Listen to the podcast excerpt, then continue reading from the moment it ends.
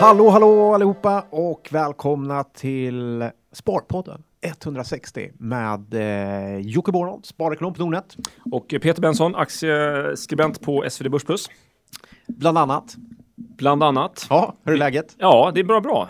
Eh, snuvig som en iller, men annars bra. Du då? Ja. Hur, hur är illrar när de är snuviga? Ja, det vill du inte veta. Nej. Det Okej, är elände. all right. Ja. Eh, jo, det är bra tack. Det är bra tack. Eh, vi har ju en väldigt fin jingel till det här programmet. Mm. Eh, pengar, pengar, pengar. Just det, den har somliga synpunkter på. Och Ja. andra en positiv, stark relation till. Just det. Eh, jag för. Jag gillar den. Du får. Men jag vaknade upp till en annan jingel i morse. Mhm. Vet du vilken? Nej. Eh, jag ska köpa vingar för pengarna, Micke Rickfors. Ah, Denna okej. fantastiska låt. Ja. Tycker den spelas alldeles för lite eh, på svensk radio. Ja, ja, mm, mm, ja. Och ännu Okej. mindre på internationell radio. Ja, ja, ja, ja, jag hör vad du säger. eh, och jag har ingen aning varför den dök upp i mitt huvud. Men kanske därför att jag börjat följa ett gäng så här, sparbloggare. Mhm. Kan man kalla dem det? Ja, det kan man väl. Som, eh, Sådana här miljonär innan 30 och sånt där. Ja, det är han. Mm. Och, och nu har jag läst en som heter Onkel Tom. Mhm. Eh, sjukt fascinerande eh, faktiskt. Eh, och ganska långt, många av de här är ganska långt, de är, kan man vara sparfundamentalist? Mm. Eh, lite grann sådär. Ja, extremist kanske. till med. Extremist till och med. Ja. Ja. Eh, och verkligen pratar mycket sparkvot och, och det är rätt spännande. Det är ganska intressant. Och eh, det är rätt spännande. Vad är målet? Är det, är det här människor som man skulle kunna kalla för snåljåpar i en annan tid? Ja, kanske. Ja. Kanske. Sjukt sparsamma. Ja, Väldigt sparsamma. i alla fall med, eh, Ja. med eh, det är en sak att vara sparsam och snål med eh, sina medel eller Mm. sina pengar, mon monetära medel. Men man kanske inte är snåla med, med, med sig själva så att säga. De delar ju med sig rätt mycket, Mm, i mm. alla fall i, i bloggvärlden. sådär. Eh, jag tycker det är lite fascinerande och det skulle vara kul att höra vad ni lyssnare har för sparmål. Vad är det som driver eh, målet? Jag skulle, jag skulle vilja höra det. Det skulle vara kul. Ni får jättegärna skicka in det. Ja, sparmål alltså. Okej, Mm. ja, det är Vad är bra. ditt sparmål? Varför sparar du? Ehm, men jag har lite olika mål, men ska vi inte spara det till, till nästa avsnitt och, och, och Ja, det gör vi. fördjupa oss i det? Det gör vi, absolut. Och sen eh, fördjupar vi oss där. Och sen tänkte jag nästan bjuda in han, eh, Onkel Tom, Ja, eh, eh, efter årsskiftet här. just det. För han, han lever väldigt frugalt. Ja, jag tror det. Eller? Jag får den uppfattningen. Ja, han, han brer smöret på den uh, fattigmanssidan som Ja. vi sa när jag var liten. Ja. exakt, Ja. exakt. Eh, otroligt spännande. Ja, men eh, gör det. Kul, Skicka, ja. skicka gärna till oss på antingen på bloggen eller mejl eller på eh, Twitter om ditt sparmål. Mm. Varför sparar du och vad sparar du till? Det är Så superbra. Schysst. Ska vi dra igång med en fråga? Ja, varför inte? Tycker du det? Mm. Och då kom det en fråga och den är från Sandra och den heter så här då. Eh, kvinnor sparar mer än män i räntor, vilket inte är bra för ekonomisk jämställd framtid. Eh, nej. Jag har dock en fundering. Jag har cirka 30 procent av mitt sparkapital som jag planerar att använda inom 3 till 5 år. Jag vill inte ha dem på banken med nollränta, men inte heller 100 procent i aktiefond. Jag tror jag har gjort det lätt för mig när jag valt en blandfond med bred exponering och låg avgift. KPA Etisk blandfond 2. Än så länge har det givit mig många fina procent på några månader. Ja, vad bra. Och tycker du istället vore bättre för mig än en person att ha 30 procent av dessa pengar på banken och resten i aktiefond? Tack på förhand. Mhm. Ja, och det är den här frågan om blandfond. Just det. Det är ganska utskälld eh, Form, ja. form och jag är ju inte förtjust i den heller. Nej. För den, det vi brukar säga är väl att den som regel är väldigt dyr. Ja, Det, det, för den innehåller en del som ska vara busbillig, det vill säga räntefond, och en del som man ibland kan tänka sig betala lite mer för, det vill säga en aktiefond, men man tar betalt på för helheten. Som om Exakt. det vore ganska... Ja, man, man tar betalt för oxfilé fastän det kanske är flintastek. ja. Och eh, gå in och kolla lite grann på just den här KPA Etisk blandfond 2 så känns den ganska human. Den Ja. känns ganska okej faktiskt. Det är en låg avgift och Mm.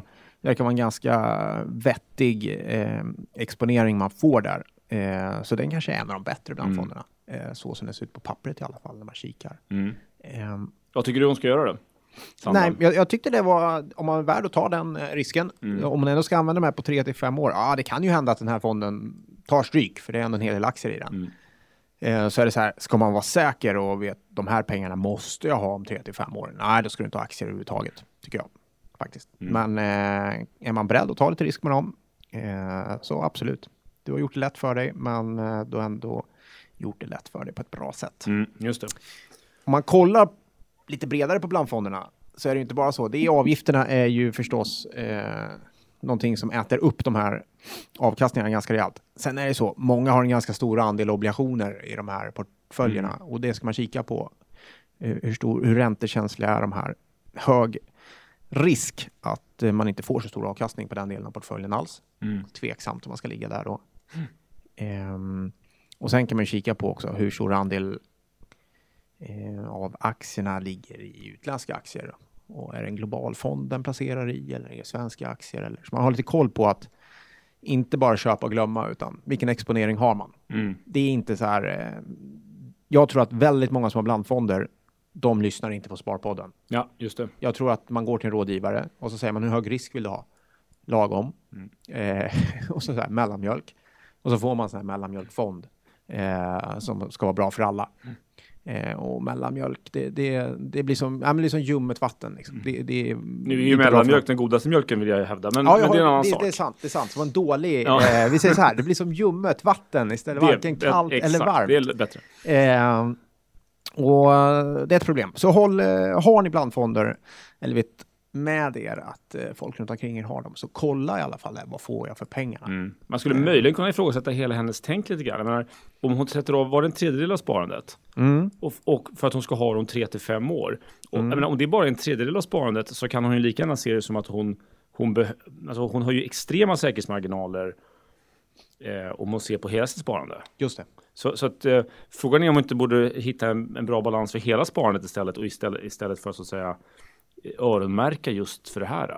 Mm. Sen har hon ju vetskap naturligtvis om att hon behöver det här, de här, det här, det här beloppet. Ja. Men ja, ja. Ska vi, eh, du hade någon fundering kring brickfonder, det var det? Bricklunch? Bricklunch. Finns det någon brick? Finns inga gratisluncher, men det finns brickluncher. Brickluncher. ja, snyggt. Ja, härligt. Eh, det är kanske är en av de mest utskällda eh, fonderna senaste året. Eller två, tre Mm. åren. Eh, och för de som inte kommer ihåg det då, så Brick, jag tror det var Goldman Sachs som lanserade Mm. Jim begreppet. Neal, hette han så? Ja, det kan ha varit. Ja. En ganska Jim känd rapport eh, som egentligen gick ut på att länderna Brasilien, Ryssland, Indien, Kina skulle komma ikapp eh, och förbi västvärlden, Mm. kan man enkelt förklara. Eh, sen har alla de här länderna fått sig en rejäl törn. Eh, och, och framförallt kanske Ryssland och Brasilien. Men kollar man hur de gått hittills i år, det har ju gått som tåget Mm. Eh, faktiskt. Det är ju återvänt från de döda, de här fonderna. Just det. Eh, och det visar väl vad otroligt svårt det är kanske att, eh, att, att eh, dels att pricka och tajma eh, in och ur i sådana här fonder.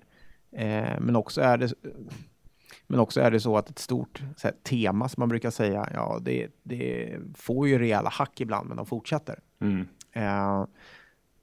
Ser inte så där jättedåligt ut för brickfonderna framöver faktiskt. Nej. Nu har ju Brasilien eh, gått, det har varit en helt galen aktiemarknad. Eh, det har varit upp så här, 70 procent, ner 10 procent i november Mm. tror jag. Så det, den är helt galen. Men kollar man lite på eh, Brasilien som vi plockat upp här i podden till och från så nej, man har verkligen kommit igång med, socia- eller med reformer Mm.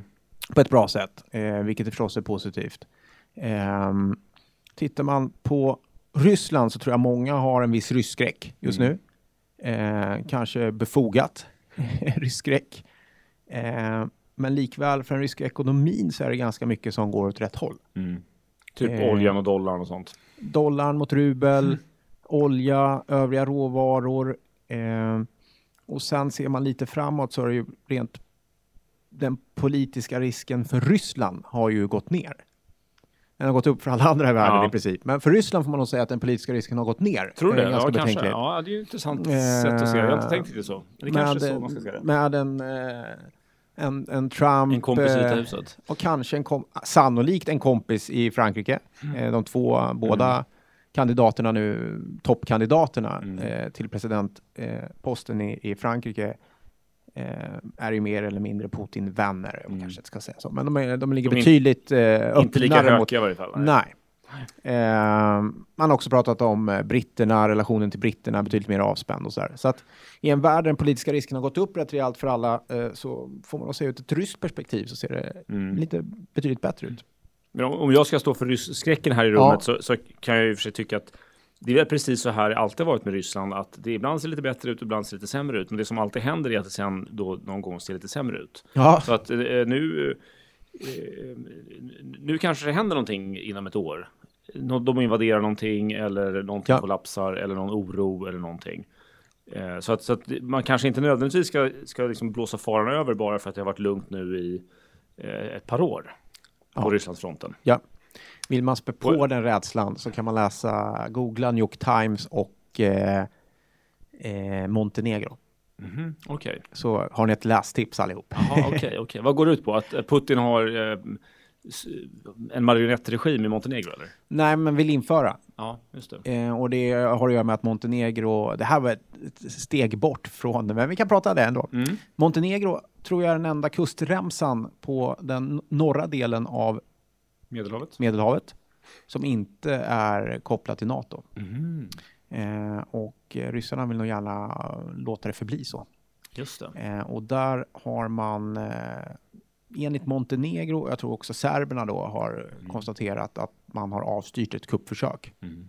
Och många spår leder till Moskva. Jaha, spännande. Eh, inga officiella spår, så att någon har tagit på sig det. Eller. Men, men många spår leder. Det är spännande läsning Mm. för den ryss-konspiratoriske. Eh, så Ja, rekommenderar. Den ska jag den läsningen. Ja. Eh, New York Times och eh, Montenegro och Putin. Montenegro och Mm. Putin. Kan ni. Nej, men hur som helst, temat är ändå att ryssarna tjänar lite grann på det här. Ja.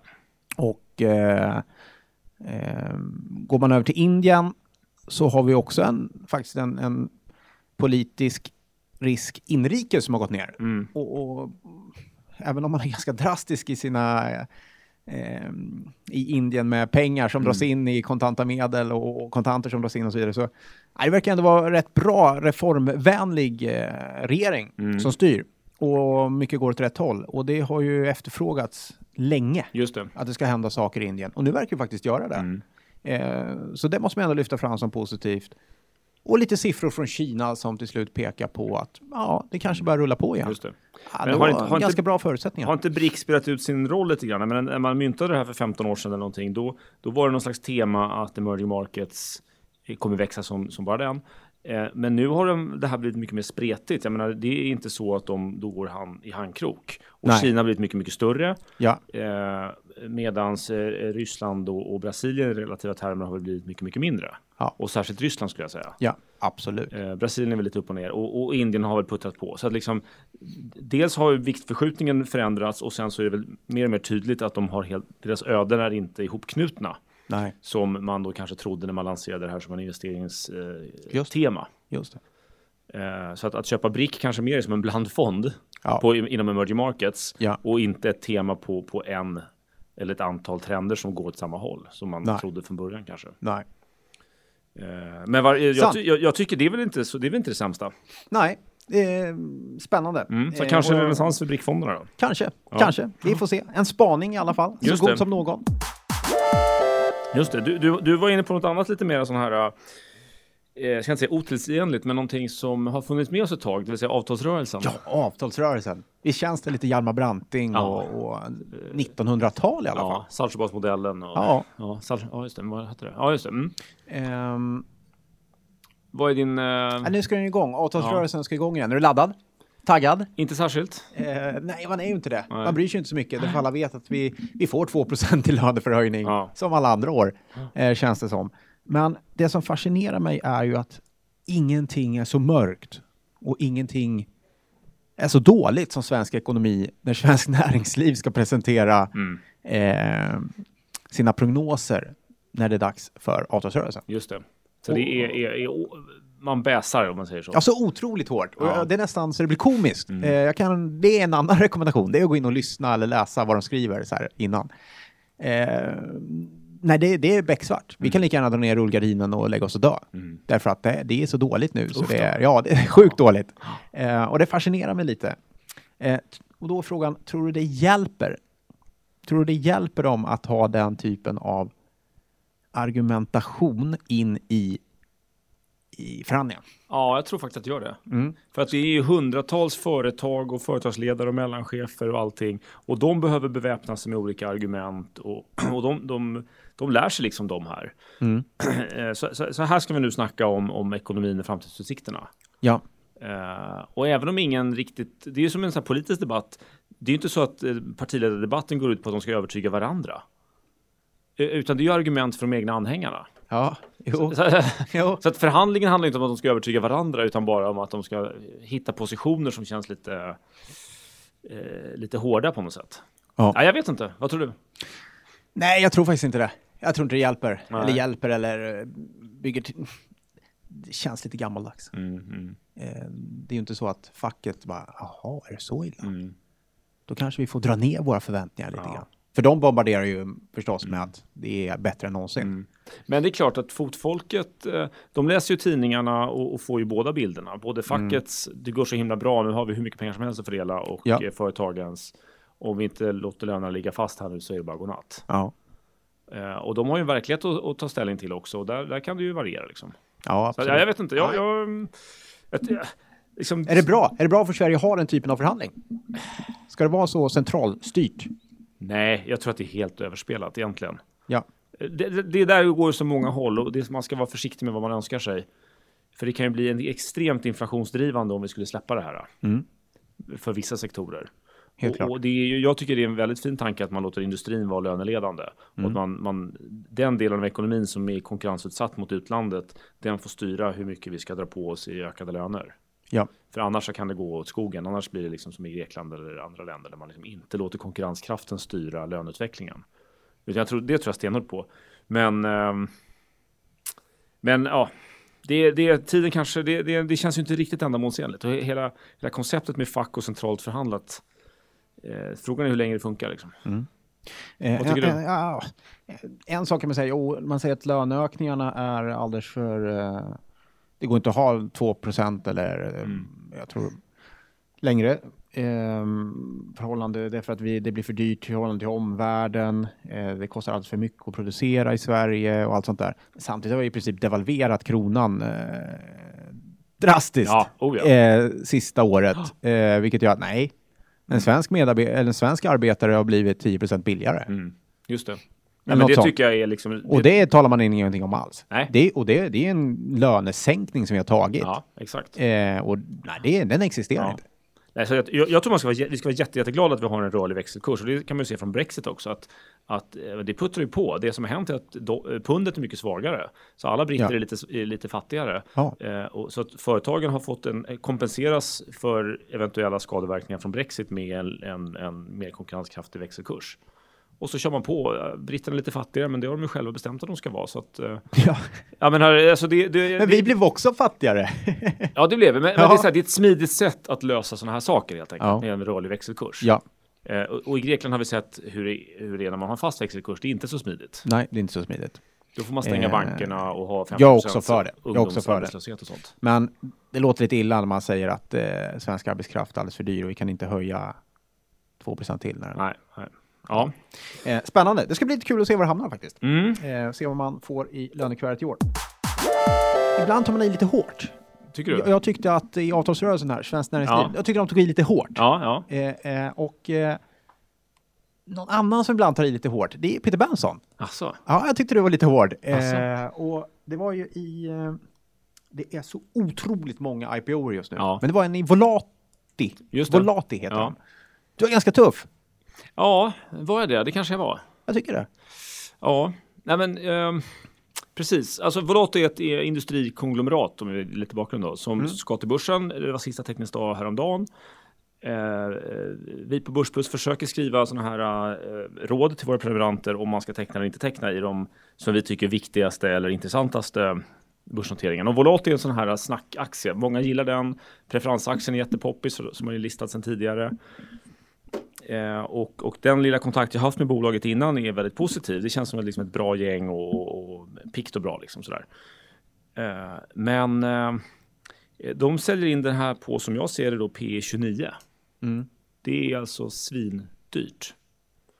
Och, och vi då, SvD Börsplus, vi driver en analystjänst där vi ska hjälpa våra prenumeranter. Och då måste vi kunna ha en ärlig diskussion med dem så att säga och ge en ärlig bild av hur vi ser på saker och ting. Och det handlar inte om artighet mot bolaget utan det handlar om att, att man kallar en spade för en spade. Eh, och på P29 så är det väldigt höga risker bara i den värderingen. Det kan vara så att, att, att eh, det är motiverat, Ja. eh, men en sån värdering ställer väldigt höga krav och, och då vill man inte hitta massa orosmoment, kort sagt. Eh, Och då hittade vi ett antal orosmoment. Eh, Och ett av dem då som det blev otroligt mycket diskussion med Patrik Wallén, en av grundarna, eh, som verkar vara en utmärkt människa på alla sätt.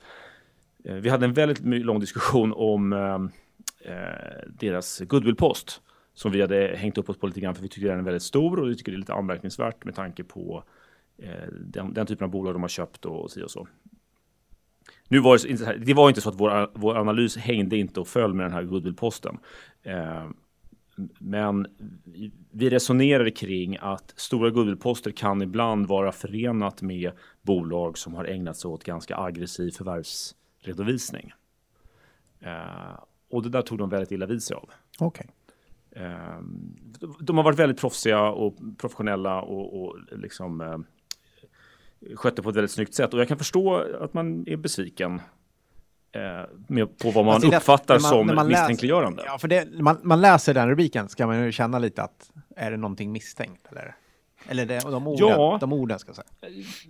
Ja, men, men det är inte en domstol. Det här är inte juridik, utan det här är ett, ett så att säga, samtal mellan investerare om risker i en aktie. Och på P29 så måste man eh, vara ganska öppen med risker och då blir det ganska, då kan man även sådana här hypotetiska, för det här är helt hypotetiska resonemang och det finns inga så att säga, belägg, utan det finns bara ett antal fakta på bordet som är oj vilken hög goodwillpost, oj vilken hög värdering. Eh, eh, och sen så ett par andra små liksom, indicier. Och lägger man ihop det där så kan det eventuellt i liksom, generella termer så kan det ibland betyda att, att man har varit väldigt aggressiv i eh, förvärvsredovisningen. Och det är inget olagligt. Tvärtom är det helt tillåtet eh, och, och, och på sitt sätt så är det att vara försiktig. För det handlar om att man är försiktig när man gör förvärvet och skriver ner tillgångarna. Och försiktighetsprincipen är en av de viktigaste och bästa principerna i, i, i liksom bolags eh, eh, och i eh, redovisning och allting. Så att försiktighet vid förvärv eh, leder ju sen till att man då har varit överförsiktig och då kan man tillgodoräkna sig det som man då kanske sen skrev ner. Vilket ger en ordentlig vinstskjuts. Och nu pratar jag bara generellt. Jag säger inte att Volata har gjort det här eller inte har gjort det här. Men det är en generell mekanik helt enkelt bakom förvärv. Som jag tror är väldigt, väldigt vanlig för övrigt. Om de är högt värderade eller inte, det är bara framtiden som kan ut, ut, utvisa. Nej, eller? 29 P, så vi, vet, vad de tjänar på rullande 12 månader och Ja. det är ett väldigt högt P-tal. Sen så kan de vara värdare. Det håller jag helt med om. De kan motivera det här. Kan de, nyckeln för Volati är om de kan använda de här pengarna de får in till att göra en eller ett par eh, nya superspännande förvärv. Eller superbilliga kanske jag ska säga. För så spännande blir det inte, utan det är ganska basala verksamheter, men, men som de vill vara en bra ägare till. Ja. Och det kan de kanske lyckas med, jag säger inte det. Men, men eh, fel värdering tyckte vi. Så teckna inte. Yes. Vi får väl se. Vi hade ju vi hade väl en cliffhanger sist? Kommer du ihåg Just det, just det. Det är mycket sågningar här nu. Ja, Ja, det har varit lite väl mycket sågningar från oss. Vi, eh, vi var inne på det här med bostadssektorn, att det finns här bubbeltendenser. Och, och då har vi en aktie som vi har hittat som vi tycker är alldeles för högt värderad. all right. Eh, och det är en sån här bostadsutvecklare. Eh, och vi har skrivit om Oscar Properties till exempel som gör såna här lyxbostäder. Den är ganska billig faktiskt om man tror på fortsatt höga eh, bostadspriser. Ja. Ehm, eh, och sen så hade vi sågat det här Särneke som eh, förra gången när vi snackades vid. Men nu har vi då hittat en som vi tycker är superövervärderad, eller högt värderad ska jag säga. Och det är något som heter Magnolia Okej. som kör eh, hyresfastigheter. Och de har också en väldigt speciell redovisning av det här. Så de köper en, en plätt mark kan vi säga eh, eh, och har, får bygglov och tillstånd att bygga ett hus. Och sen så avtalar de med en institution att eh, eh, sälja den här eh, hyresfastigheten. Eh, och, så de säljer de plätten mark och ett löfte att det här kommer stå en hyresfastighet om, säger vi då, två år. Eh, och, då- och då gör de så att de, de, de slickar i sig i princip hela den här vinsten första dagen. Okej. Så att hela vinsten från att bygga ett hus som tar två år och är förenat med väldigt stora risker, den plockar Magnolia in dag ett. Inte riktigt hela, men nästan hela vinsten. Ja. Och det är inte så försiktigt om vi ska Nej. prata Det försiktighetsprincipen. låter inte så försiktigt. Nej. Det är själva motsatsen till försiktighetsprincipen.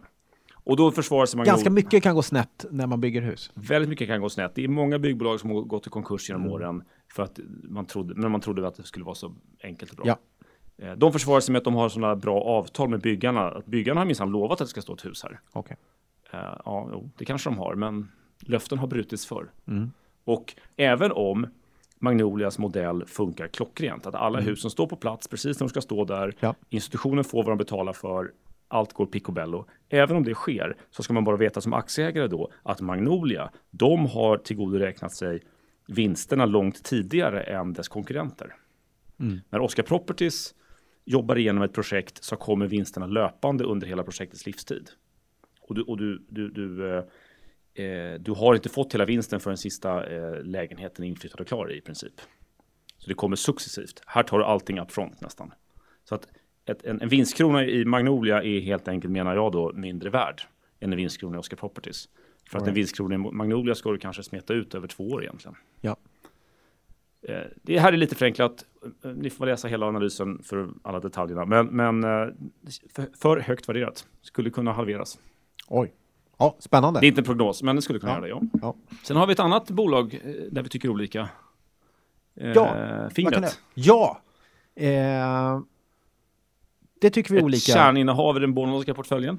Nej, men det är ett innehav. Ja, ja. Absolut, jag gillar ju det. Jag Ja. tycker det är spännande. Ehm, och det är ju inte tråkigt att vara ägare i Nej, nej, nej, nej, nej. Det är värt varenda krona nedgång. Eller?